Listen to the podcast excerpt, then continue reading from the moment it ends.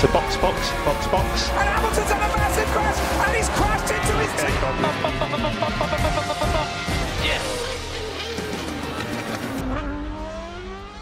Herkese merhaba. Podstop Podcast'in yeni bölümünde 5 Kırmızı 1 Yeşil serisinde bu hafta Sakir Grand Prix'sini konuşacağız. Bugün Deniz ve ben Burak birlikteyiz. Deniz, herkesin sezon bitti, Türkiye Grand Prix'si de geçti.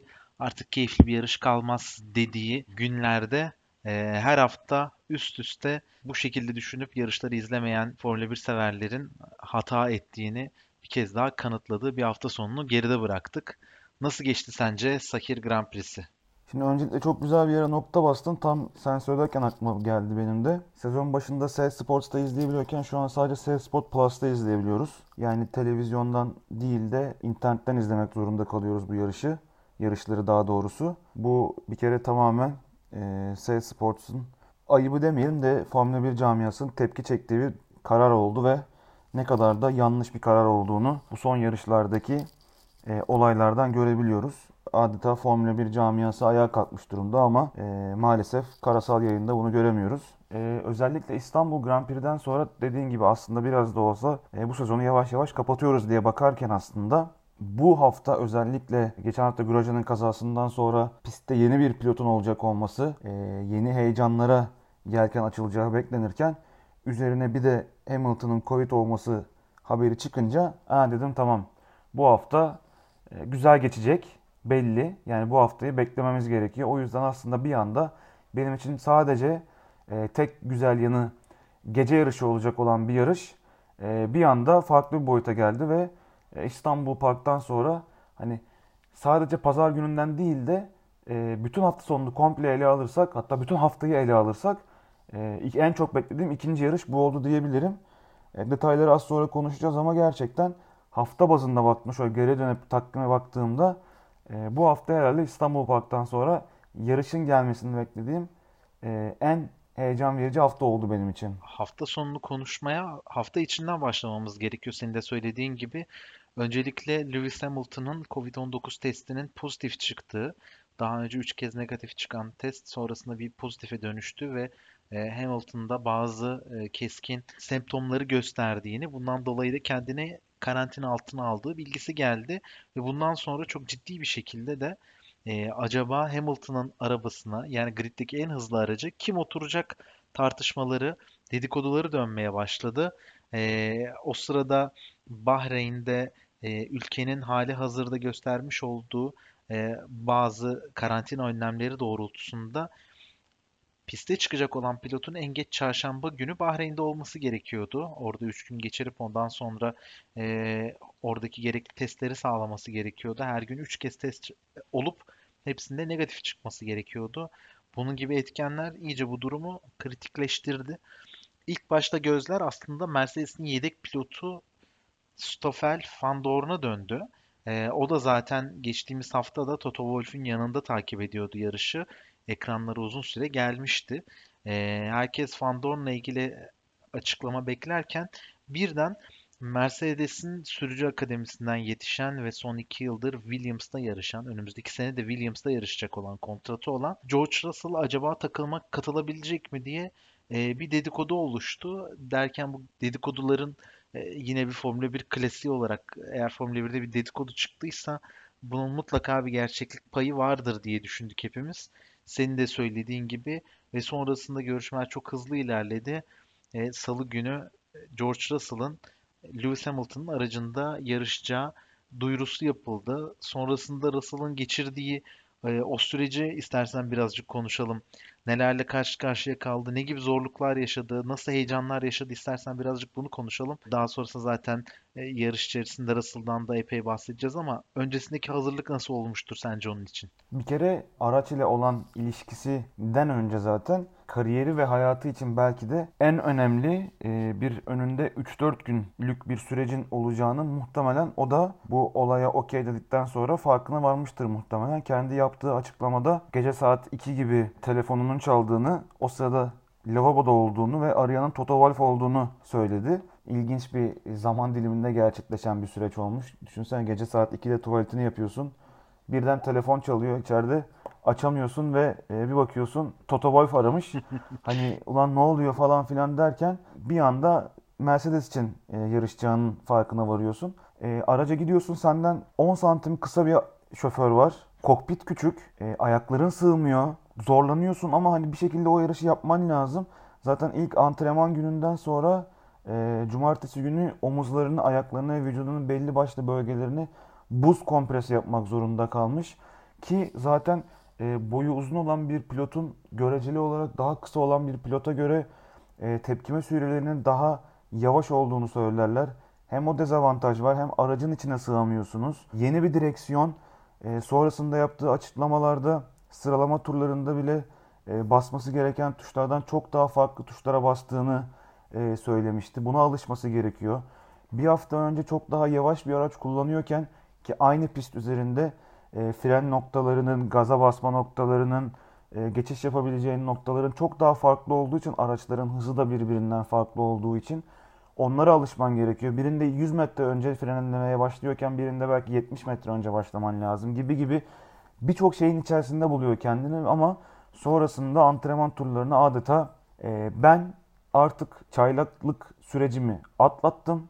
Bir şans gelirse ben bu şansı sonuna kadar iyi bir şekilde kullanabileceğini e, bütün Formula 1 camiasına gösterecek bir e, cuma günü geçirdi aslında.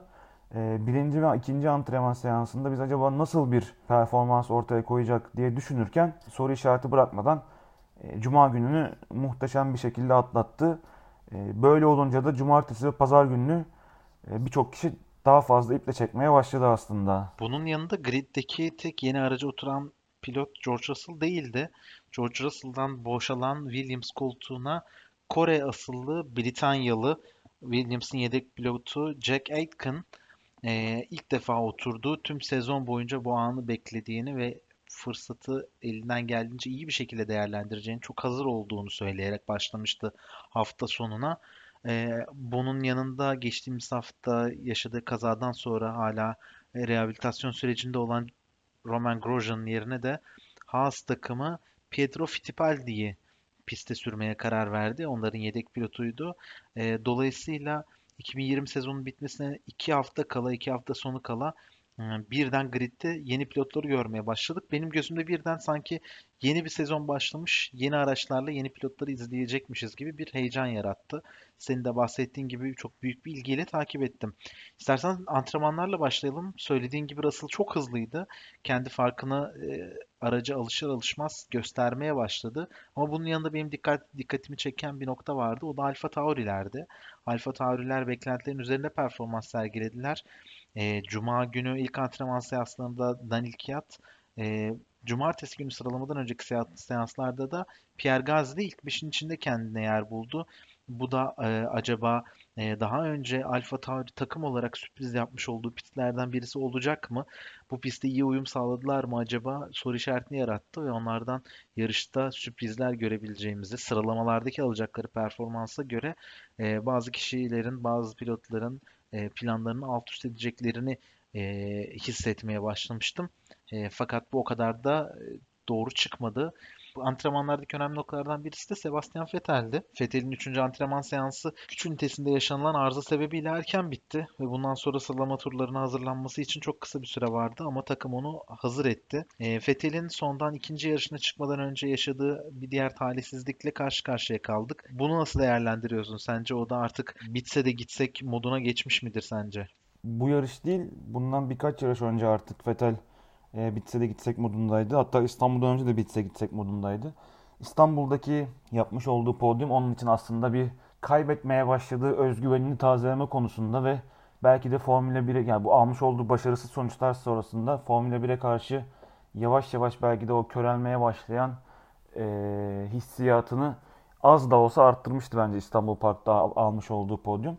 Ama e, sonrasında artık zaten tamamen e, bitse de gitsek modunda Zaten yaptığı açıklamalarda buna paralel yönde. Yani yarış zamanı geldi konuşuruz gerçi ama e, rezalet iki tane pit stop geldi zaten Ferrari ekibinden e, bu yarışta da Vettel tarafında. Araç gitmiyor.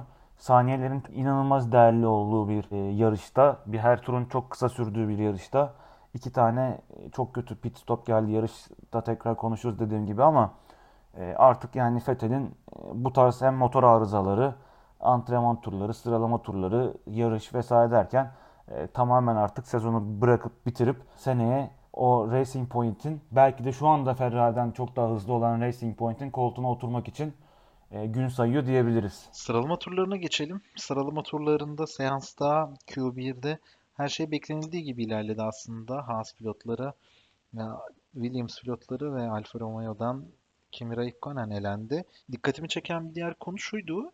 Alex Albon Q2'ye son anda kaldı. 15. sıradaydı. Red Bull bir tur daha piste çıkmasına izin vermedi. E, çıkmasına gerek olmadığını düşündü belki de ama bu kadar kısa bir pistte tur zamanları bu kadar yapı yakınken e, bence alınmaması gereken bir riskti. Bundan dolayı şansı yaver gitti. Q2'ye kaldı. E, ama zaten daha sonrasında kendisini Q1'e atabilecek enerjiyi bulamadı ve elendi. Öte yandan Q2'de bir diğer elenen önemli isimler Renault'dan Esteban Ocon ve McLaren'den Lando Norris'ti. Norris sıralama turları sonrasındaki vermiş olduğu demeçte istediği zamanda, istediği boşluğun olduğu zamanlarda piste çıkamadığını, piste çıkış turlarında ve zamanlarda hata yaptıklarını ve çok kötü bir seans geçirdiklerini söyledi. Onun adına da oldukça talihsiz bir şekilde geçti sıralama turları. Senin sıralama turlarında dikkatini çeken şeyler neydi peki?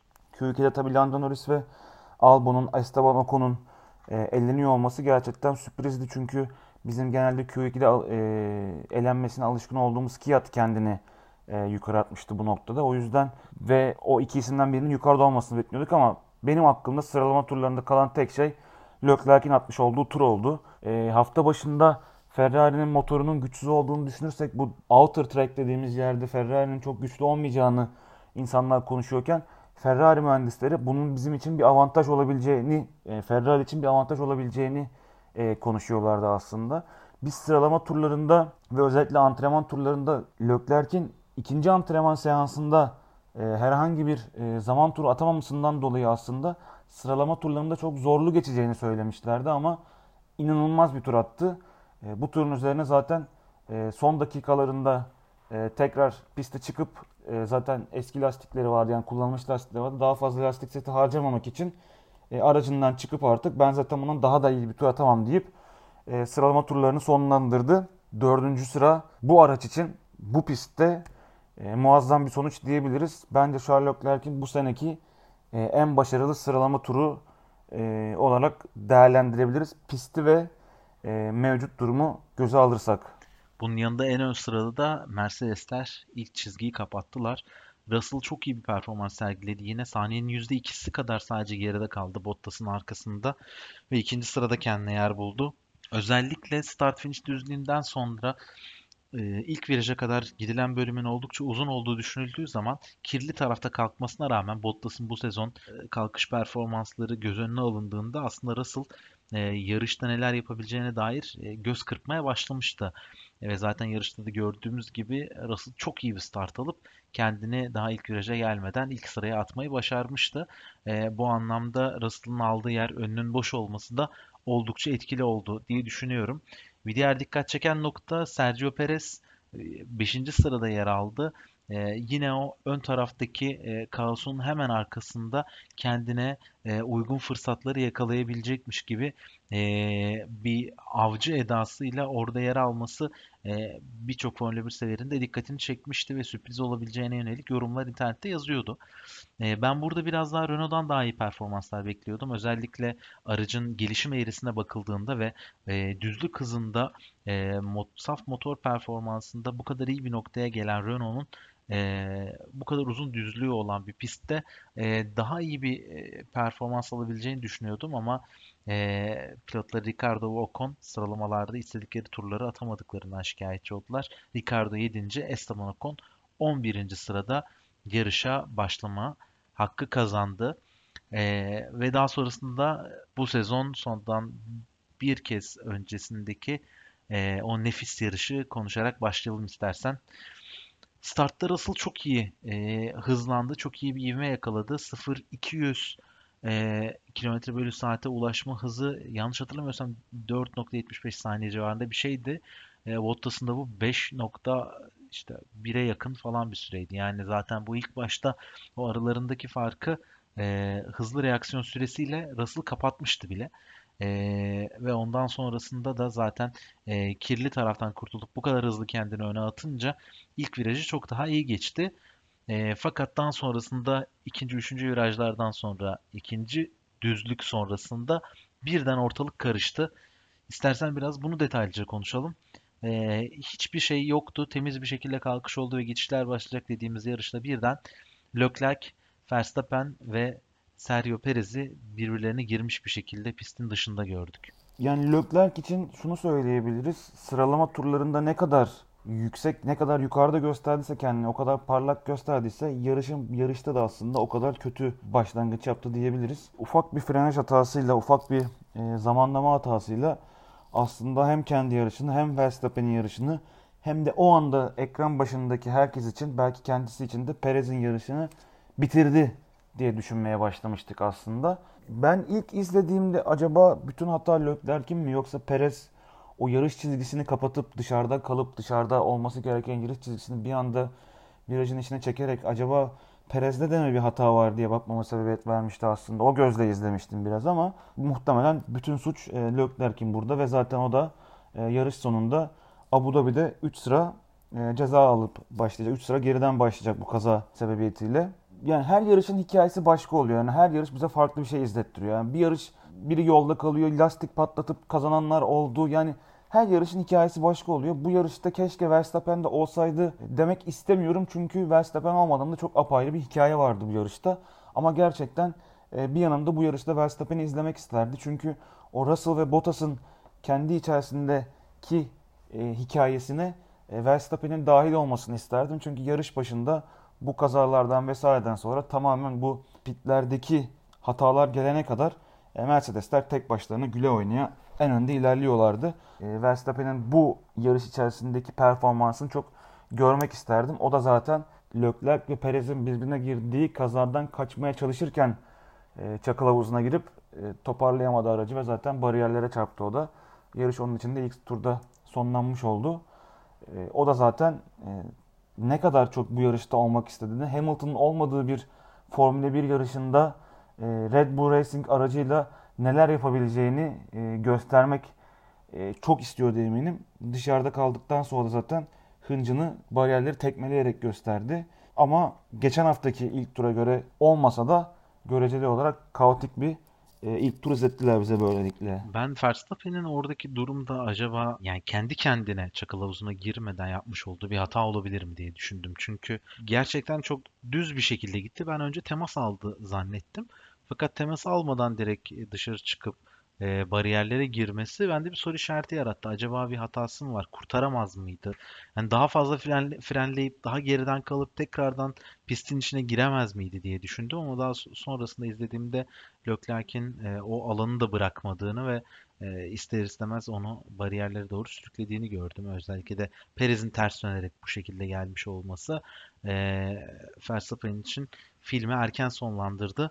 Ee, burada aslında ilk başta tam o anki fotoğrafı çekmiş olsak Verstappen şanssızdı ama en şanssız olan isimlerden birisi de Sergio Perez'di derdik eminim.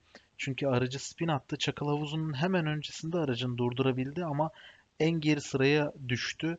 E, ve bunun haricinde de e, bir de aracında hasar oluştu ve dolayısıyla pite girmek zorunda kaldı Sergio Perez.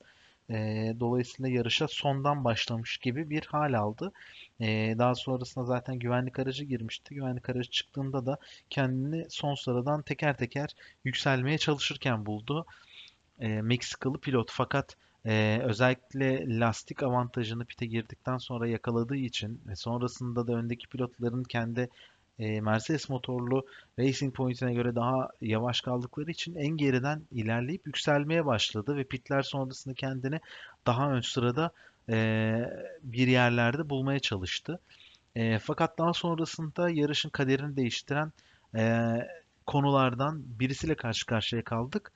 Williams pilotu Nicolas Latifi yaşadığı bir sorundan dolayı kendini dışarıda pistin dışındaki bir alanda park etmiş bir şekilde buldu. Oradan e, görevlilerin daha kolay bir şekilde onu dışarı çıkartabileceğini e, gördük, tahmin ettik ve e, güvenlik aracı süre- sürecine girdik.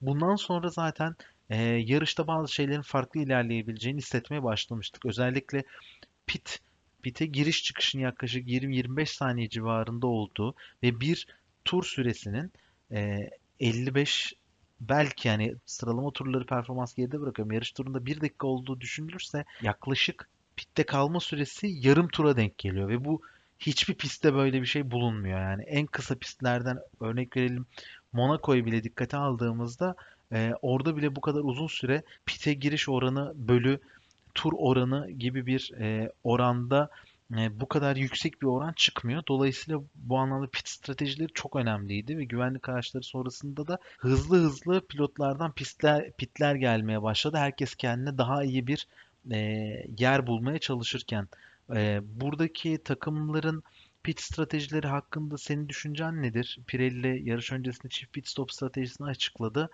E, bazı takımlar tek pite doğru gitmeye başlamıştı özellikle Mercedes. E, fakat sonrasında hikaye çok değişti. Sence burada doğru olan nasıl bir işlem yapmaktı? Nasıl bir strateji belirlemekti? Buna bakmadan önce çok ufak bir geri saracağım. Bu konuda bağlantılı olarak. O da şu olacak. Biz yarış başlamadan önce Halil sen ve ben konuşurken ya zaten e, Norris sıralama turlarında 15. sıradaydı ama e, aldığı grip cezasından dolayı 19. sıradan başlayacaktı yarışa.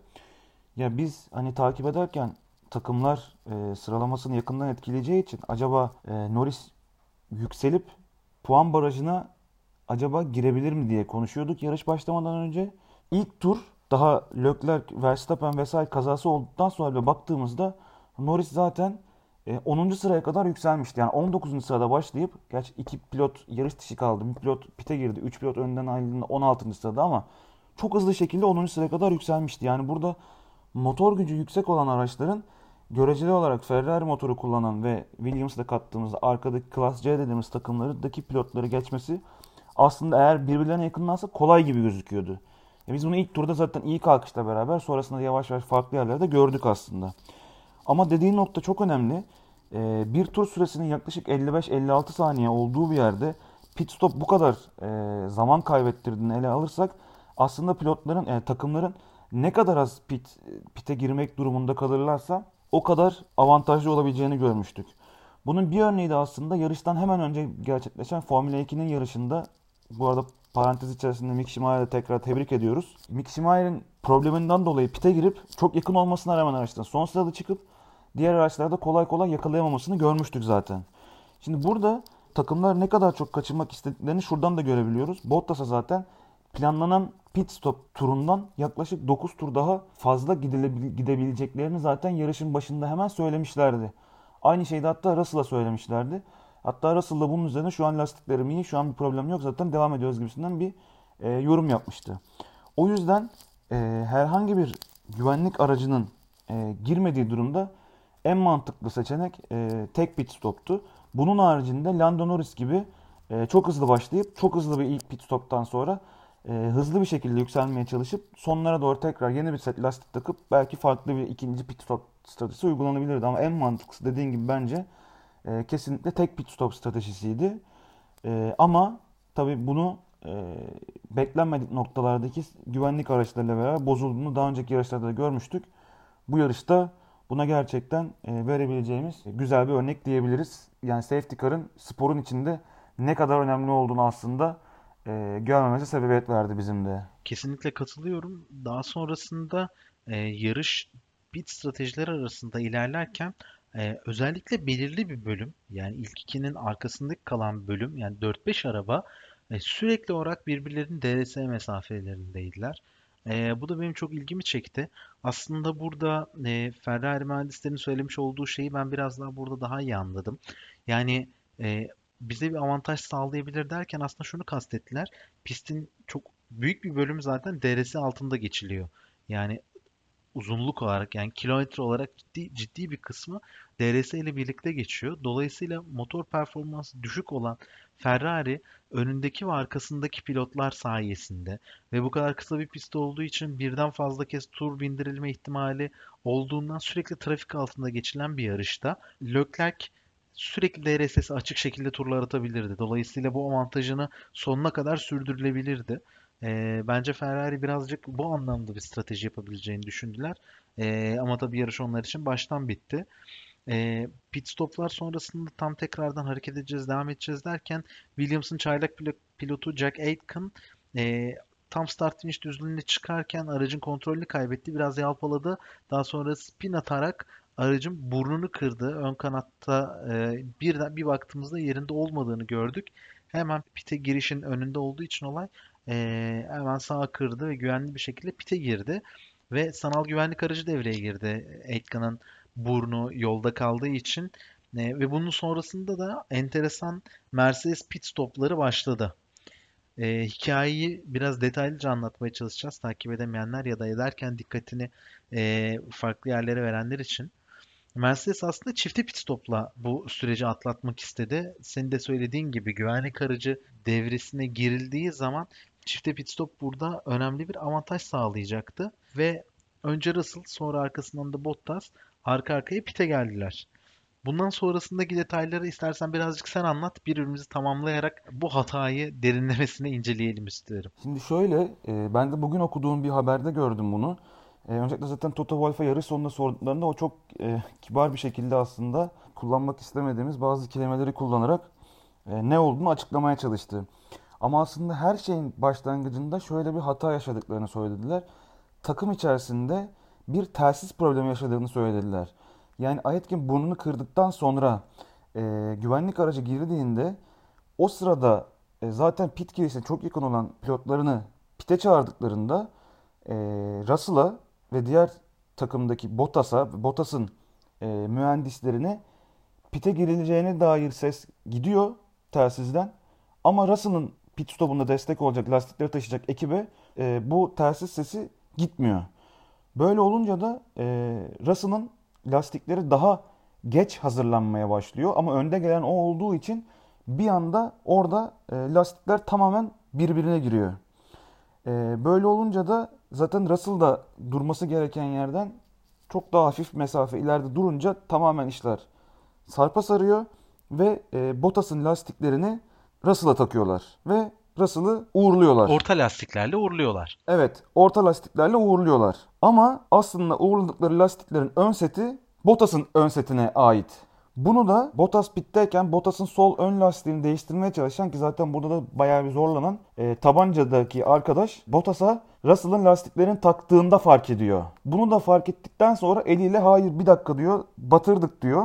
Sonrasında lastikleri söküyor ve e, daha önce e, çıkardığı, Bottas'ın çıkardığı artık bitmiş, tükenmiş sert lastikleri takıyorlar ve Bottas'ı uğurluyorlar. Ki zaten uğurlamadan önce sol ön lastiğin frenleri artık alev almıştı. O kadar beklediler. Normalde zaten pit stoplar biliyorsun çok daha kısa sürüyor. Hemen takıyorlar ve o e, gaza basınca o fren e, şey soğutmalarıyla beraber oraları sıkıntı olmaya devam ediyor. Ama o kadar bekleyince artık frenleri de alev aldı ve acaba biz hani bu etkileyecek mi vesaire derken bir şekilde uğurladılar Bottas'ı da. Derken biz bu pozisyonu tabii uzaktan bakarken bunu anlayamadığımız için gülmeye başladık. Ya Bottas'ın başına geldiğine daha geçen hafta başına zaten gelmişti dedik. Hatta biz de sonrasında e, bir e, float şeklinde Twitter'dan ve e, Medium'dan paylaşmıştık. Bottas'ın daha önce bu lastikler konusunda başına gelen problemleri yazmıştık. Ki hatta farklı lastik takılırsa ne olur gibi bilgileri de orada paylaşmıştık. Biz tam bunu düşünürken bir anda Russell'ın tekrar pite gelmesi gerektiğini söylediler ve yanlış set lastik taktığını söylediler. Ön lastiklerini doğru ön lastiklere değişmek değiştirmek için e, Russell'ı tekrar pite çağırdılar. Bu arada Bottas bu uzun süren pit stopundan sonra piste döndüğünde 5. sırada dönmüştü. Yani o yakalamış olduğu ön taraftaki avantajı zaten kaybetmiş durumda piste dönmüştü. Zaten hem 5. olarak piste döndü hem de zaten daha önce çıkardığı ve leş olan sert lastiklerle döndü. Yani giriyorsun pite tamam mı? Diyorsun ki yani kendimi iyi hissedeceğim ve müthiş şeyler olacak diye giriyorsun. Hem zaman kaybediyorsun bir. Hem eski lastikleri takıyorlar iki. Hem de bir de sertin eskisini takıyorlar. Yani olabilecek en kötü şeyi yapıyorlar. Yani bu şekilde salıyorlar resmen kurtlar sofrasına Bottas'ı. Ee, evet Bottas'ın bu yarış özelinde çok doğru işler yapmadığını ve tepkileri çektiğini biliyoruz vesaire ama yani arkadaş adam da çok şanssız ya. Geçen hafta da buna benzer bir şey geldi başına. Bu hafta da geldi. Yani belki de bu pit stopu bu kadar uzun sürmeseydi ve temiz bir yumuşak lastikle onu e, tekrar piste göndermiş olsalardı hadi Russell'ın da sıkıntı olmadığını düşünelim. Russell'ın da normal lastiklerini tak- taktığını düşünelim. 1-2 olarak piste çıktıklarında e, belki bir şekilde Bottas e, baskı kurup yarışı kazanabilecekken, farklı bir hikaye konuşuyor olacakken e, tamamen Mercedes'in hatasından dolayı oklar biraz da bu kötü performansından dolayı e, maalesef Bottas'a doğru saplanmış oldu yani burada da. Kesinlikle. Daha sonrasında Bottas'ın yaşamış olduğu bu sorundan sonra işte Russell tekrardan pite geldi. E, doğru lastikleri geri aldı ve bundan sonra acayip bir şekilde tırmanmaya başladı. Ee, öncelikle hemen Bottas'ın arkasında piste geri dönmüştü. Bottas bu sırada dördüncüyle yükselmişti. Russell beşinci dönmüştü.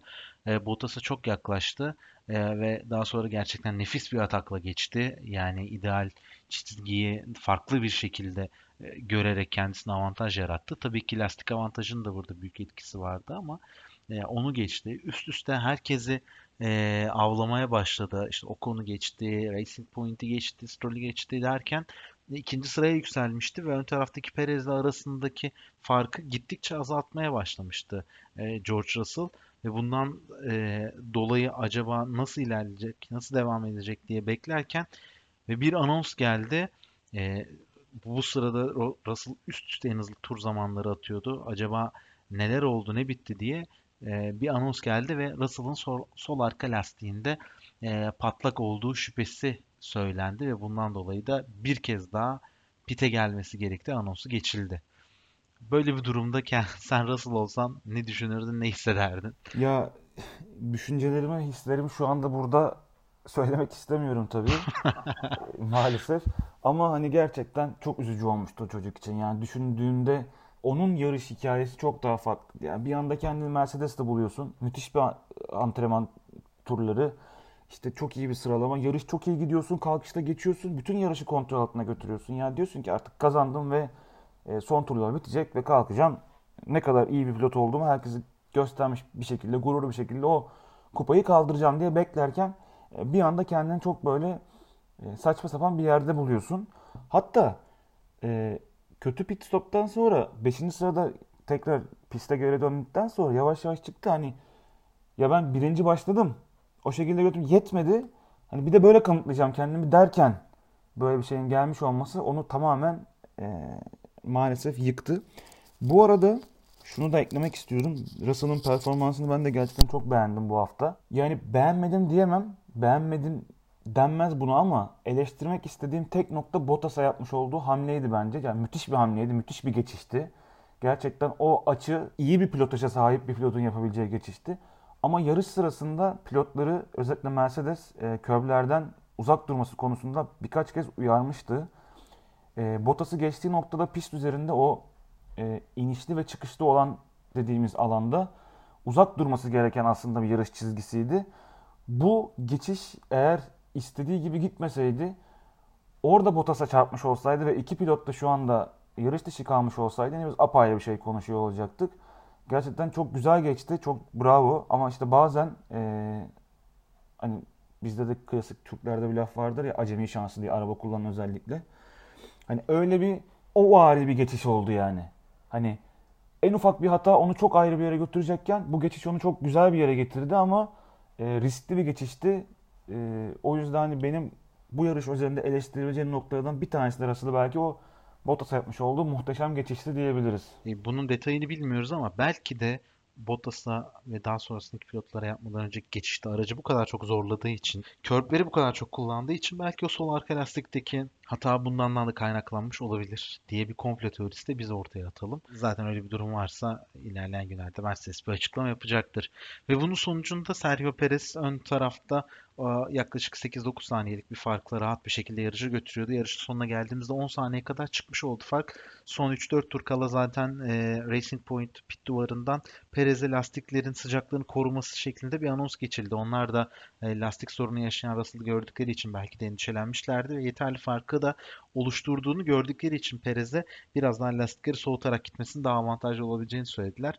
Perez gibi bir tecrübeye sahip pilot da zaten bu noktada e, herhangi bir hata yapmadı ve e, Bahreyn'in oval pist üzerinde gerçekleşen Sahir Grand Prix'sinde yarışı kazandı. Perez'in hemen arkasında ikinci sırada e, gridde tek pit stop yapan ilk pilot Esteban Ocon. Üçüncü sırada da tek pit stopla yarış devam ettiren üçüncü pilot Lance Stroll vardı. E, bence doğru lastik korumanın, e, iyi lastik seti seçiminin ve lastikleri koruyarak sonuna kadar zorlamanın avantajını yakaladılar ve bunun ödülünü aldılar bu iki pilotta. Pist üstü mücadelelerinde çok özel işler başardıklarını söyleyemem. Hatta Stroll her ikisi de daha doğrusu.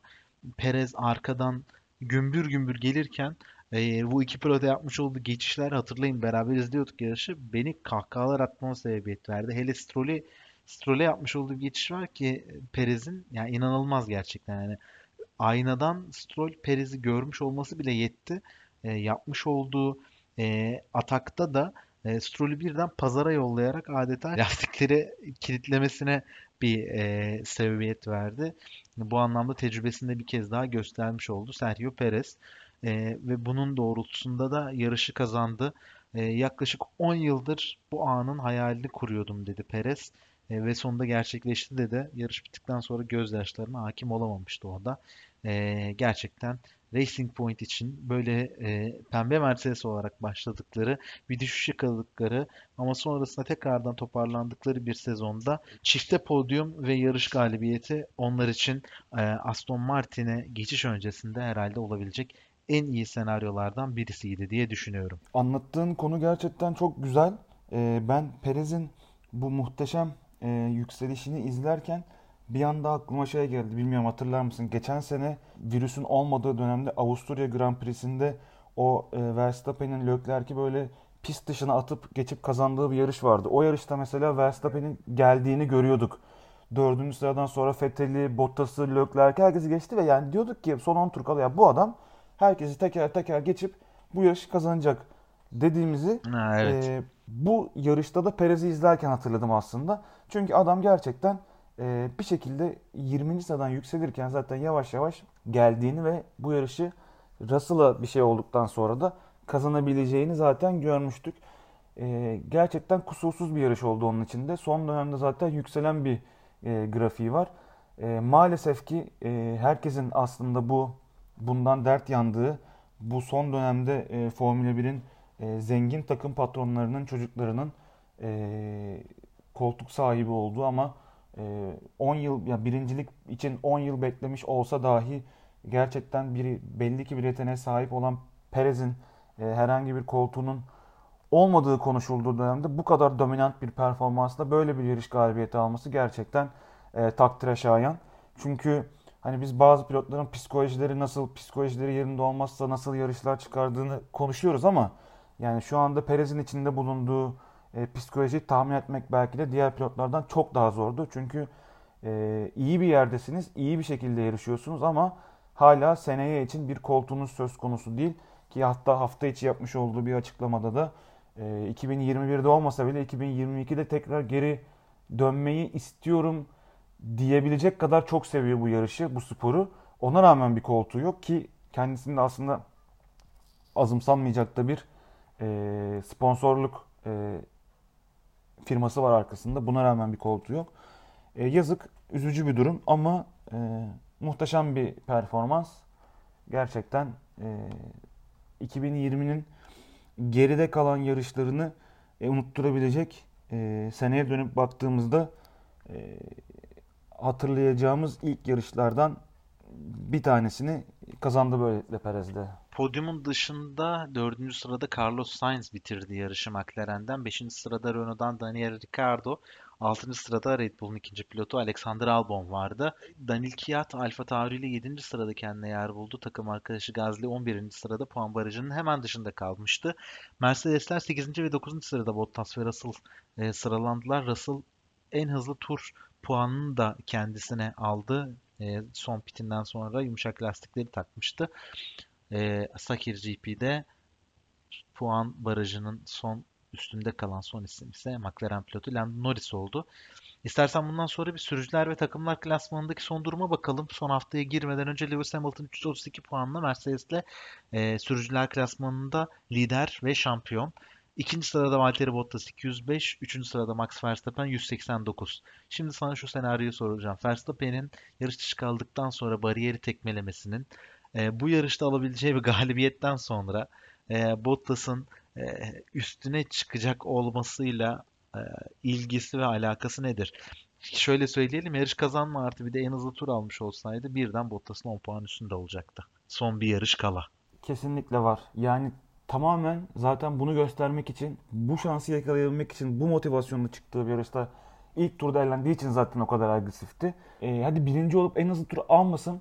Yine de Bottas'ın bir ya da iki sıra önünde bitirdiğini varsayarsak bu yarışı her türlü Bottas'ın önünde olacaktı. Ve son yarışta da yine onun önünde bitirebilmek için ciddi bir avantaja sahip olacaktı. Şu an e, 16 puan fark var önünde. Ya Bottas'ın yarış dışı kalması gerekiyor. Verstappen'in kazanması gerekiyor falan filan. Hatta o bile e, hani olmayacak yani muhtemelen. Hani o yüzden bu avantajı tamamen teptiği için belki de bu kadar agresifti.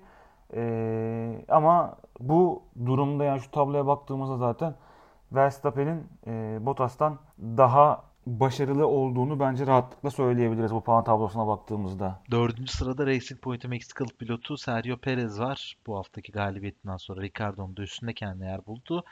Beşinci sırada Ricardo, altıncı sırada Ferrari'den Charles Leclerc var. Ee, orada da şöyle değişik bir süreç var. Leclerc 98 puanla 6. 97 puanla gelecek ilk takım arkadaşı Sainz 7. ve 93 puanla Red Bull'un ikinci pilotu Alexander Albon 8. sırada. Birbirlerine bu kadar yakın 3 pilot son haftaya girerken e, nasıl acaba sıralanacaklar? E, Leclerc 3 sıra grid cezası aldı. Abu Dhabi'de 3 sıra geriden başlayacak şimdiden. Albon kendini göstermek için son şansını kullanacak. Leclerc'in sadece 1 puan gerisindeki Carlos Sainz da McLaren'e iyi bir veda edip e, yeni yılda yeni sezonda takım arkadaşı olacağı Leclerc'in üstünde sezona girip psikolojik bir avantaj yakalamaya çalışacak. Ee, ilk 5'ten sonrasında kalan kısımdaki sıralamayı nasıl değerlendiriyorsun? Burada nasıl şeyler görebiliriz sezon sonunda? Geçmeden önce şunu eklemek istiyorum. Sergio Perez'in bir de iki yarışı e, Covid'den dolayı kaçırdığını söylememiz gerekiyor. Hani dördüncü sırada yani üçüncü sıradaki Verstappen'i belki yakalayamayacaktı o ilk yarışta yarışsa ama e, dördüncü sıradaki basamaktaki yerini belki çok daha iyi bir şekilde perçinlemiş olacaktı. İki yarış kaçırdığını unutmayalım. 5. sıradan altı, altına bak da 6. sıradan altına baktığımızda artık burada Leclerc zaten e, baktığımızda bu sene Ferrari'nin yapmış olduğu o kötü araca rağmen burada olması zaten onun için başarı. Evet Sainz'ın altında tutmak isteyecektir. Sainz seneye daha psikolojik baskı kurabilmek için Leclerc'in üstünde olmak isteyecektir ama ben Leclerc'in Sainz'ın altında kalması durumunda herhangi bir psikolojik baskı altında kalacağını ya da bir problem yaşayacağını düşünmüyorum. Bu tamamen Sainz'ın motivasyonu için etkili olacaktır. Hemen arkasında gelen Albon'un 93 puanı var. Altından Lönes var 87 puan. O ikisinin arasındaki o yakın dostluk da aslında hesaba katıldığında bence 8. ve 9. sıradaki yarış ve e, yarıştaki sıralama onlar açısından bence e, çok daha kritik olacaktır diye düşünüyorum. Takımlar şampiyonasında Mercedes 540 puanla e, daha önceden belirlenmiş. Şampiyonumuzda ikinci sırada Red Bull 282 puanda.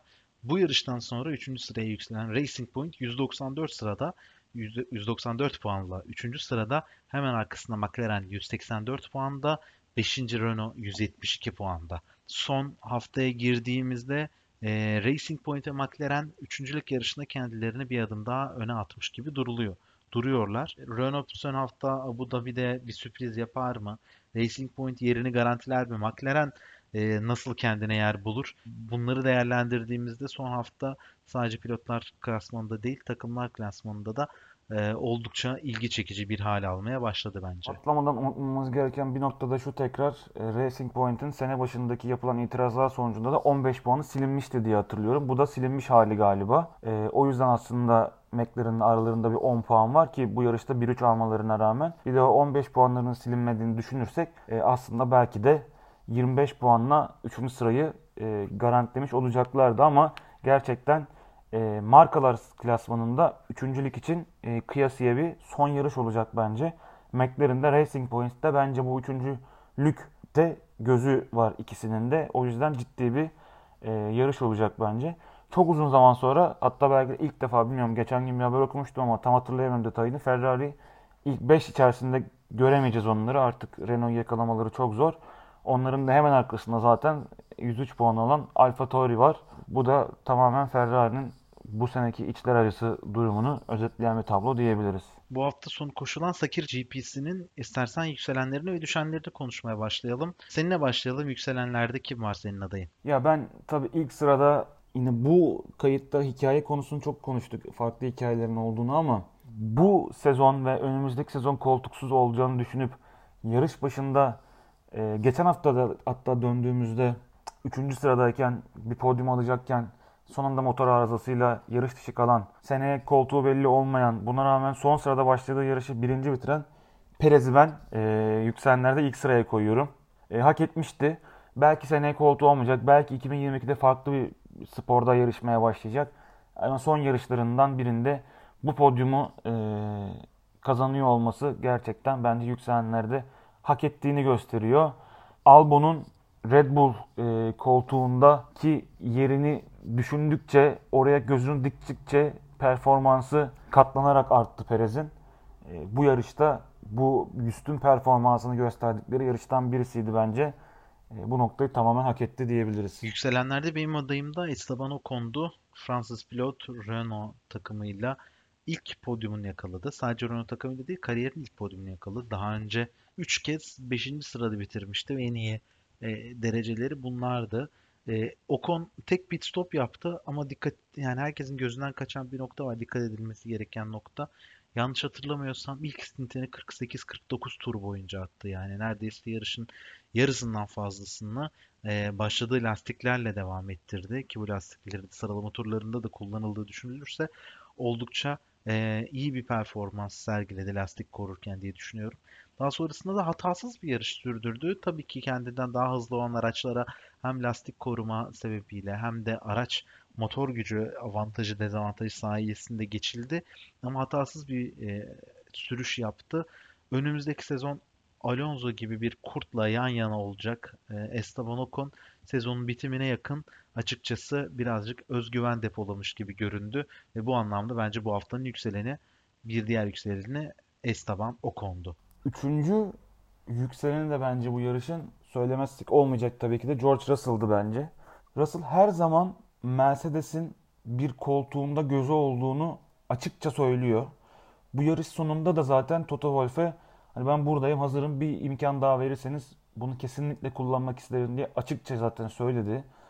Ee, Hamilton emekli olduğunda ya da Mercedes'in Bottas'a ya da diğer pilotlara karşı o inancı gittiğinde artık kaybolduğunda bir şekilde o Mercedes koltuğuna oturacak bence e, Russell ve e, onu da burada görüp e, başarılar yakalayacağını biz e, açıkçası inanıyoruz.